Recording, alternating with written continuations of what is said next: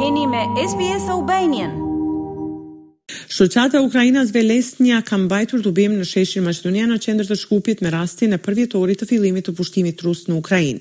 Kryetari i asociacionit që numëron 6.000 ukrainas në Maqedoni ka falënderuar Maqedoninë e Veriut për ndihmë dhe mbështetje. Presidenti Stevo Pendarovski ka thënë se Ukraina është fitues moral i konfliktit, Kryetari i Kuvendit Talat Xhaferi, i cili ditëve të fundit, përveç presionit në Kuvend, po përballon edhe një presion tjetër pas zgjedhjes prokuror të djalit të tij, ka deklaruar edhe në këtë rast mbështetjen pa rezervë të Ukrainës dhe popullit ukrainas. Ndryshe, Xhaferi ishte i pari kryetar i Kuvendit nga rajoni që shkoi drejt për së drejti dhe personalisht për të shprehur mbështetje ndaj popullit ukrainas. Në anën tjetër vazhdon debati në Kuvend për zgjedhjen e Qeverisë së re të Republikës së Maqedonisë së Veriut. Nuk i dihet fundi i debateve të deputetëve, të ashpra janë retorikat, akuzat për korrupsion dhe keqpërdorime. Gjithashtu edhe Artan Grubi ka qenë në tapet gjatë kësaj jave duke u akuzuar për dyqane gjysmëmilionëshe të vëllaut të tij. Në anën tjetër për zgjedhjen e ministrave po bëhet e pamundur, por Akoma nuk është arritur që pjesa e Aleancës për Shqiptarët të jetë në qeveri, por janë shkarkuar vetëm tre ministrat e Alternativës. Arianit Hoxha nga Partia Besa ka thënë se kjo parti është subjekti më solid dhe stabil në skenën politike. Ai ka komentuar edhe ngjarjet e fundit, duke thënë se është paqartësi e madhe me numrat dhe skena politike është shndërrua në një tezgë pazari. Sipas tij, pas problemeve brenda përbrenda BDI-së nuk dihet nëse grupi i zjarrit do të jenë në qeveri apo në opozitë, Alternativa ka dalë dhe Aleanca ka hy, gjë që bën të paqartë numrin dhe ndryshimet kushtetuese. Skender Rexhepi, nga Partia Alternativa, si deputet i pavarur, ka thënë se ndryshimet kushtetuese do të bëhen vetëm me kompromis të paprecedent të faktorit ndërkombëtar. Për më tepër, ndjekim deklaratën e tij. Këto ndryshime do vijnë vetëm me një presion më të madh ndërkombëtarësh, posaçërisht Shteteve të Bashkuara të Amerikës, dhe BE-së që është shumë e qartë janë faktorë kyç ndaj opozitës maqedonase për të treguar që interesi i shtetit Republikës Maqedonisë së Veriut për qenë pjesë e Bashkimit Europian është më i madh se çdo interes personal apo partiak, vetëm në atë mënyrë, ndaj nëse nënshtrohet ndaj një presioni të tillë, besoj që do mund të vijnë te ndryshimet kushtetuese. Mund të vijë deri te ajo që njëherë të votohen ndryshimet kushtetuese të shkohet në zgjedhje, edhe kjo është një prej opsioneve, por më së paku pritet që të shkohet në zgjedhje për të bërë ndryshimet kushtetuese pastaj. Po ashtu kryetari i Aleancës, Arben Taravari ka thënë se VMRO dhe Levica nuk duan ndryshime kushtetuese. Sipas tij, forca të udhëhequra nga vetë Rusia po e paraqesin si radikal dhe të korruptuar.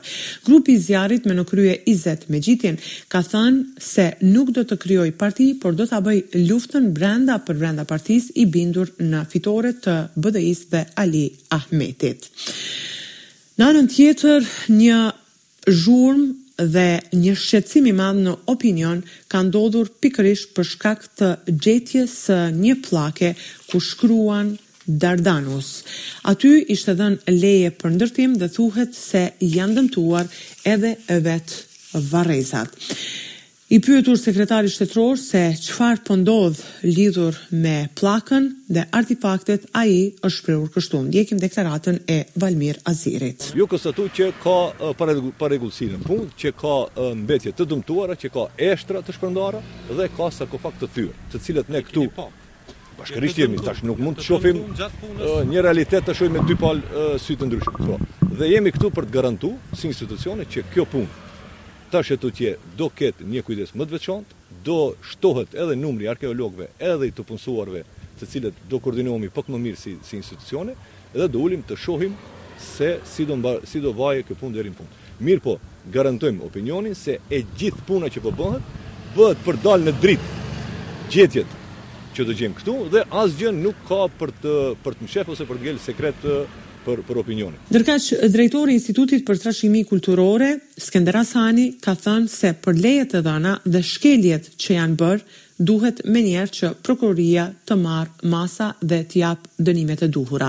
Ndjekim deklaratën e tij. Nga institucionet Prokuroria Publike, e cila duhet të ngritë aktpadi penale ndaj atyre të cilët kanë lejuar, ju kanë dhënë leje ndërtimi në atë pjesë ku nuk duhet të jepet leje, për shkak se në vijë ajrore 3 kilometra në vijë ajrore nuk ku zhvillohen gërmimet arkeologjike nuk duhet të jepet askujt leje ndërtimi dhe për fat të keq shumë ndërtesa aty janë ndërtuar mbi qytetin antik shumë e shumë artefakte janë shkatërruar edhe fati edhe i rastit të fundit gjithkund në botë vizitohen lokalitetet aty ku gjinden dhe ato konzervohen aty për për, për të shkuar dhe për të vizituar uh, vizitorët dhe për të qenë një element për edukatën e gjeneratave të reja, se si si ka kalu qyteti i Shkupit gjatë periudhave historike.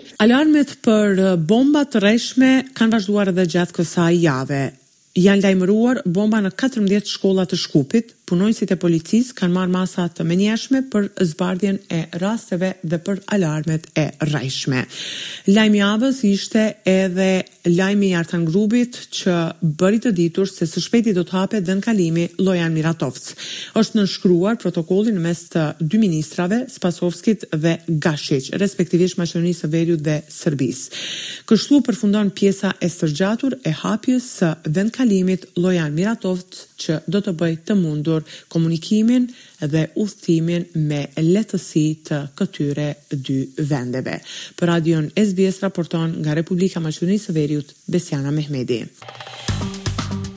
A ju pëlqeu ky reportazh? Për më shumë vizitoni Apple Podcast, Spotify ose faqet e tjera të podcast.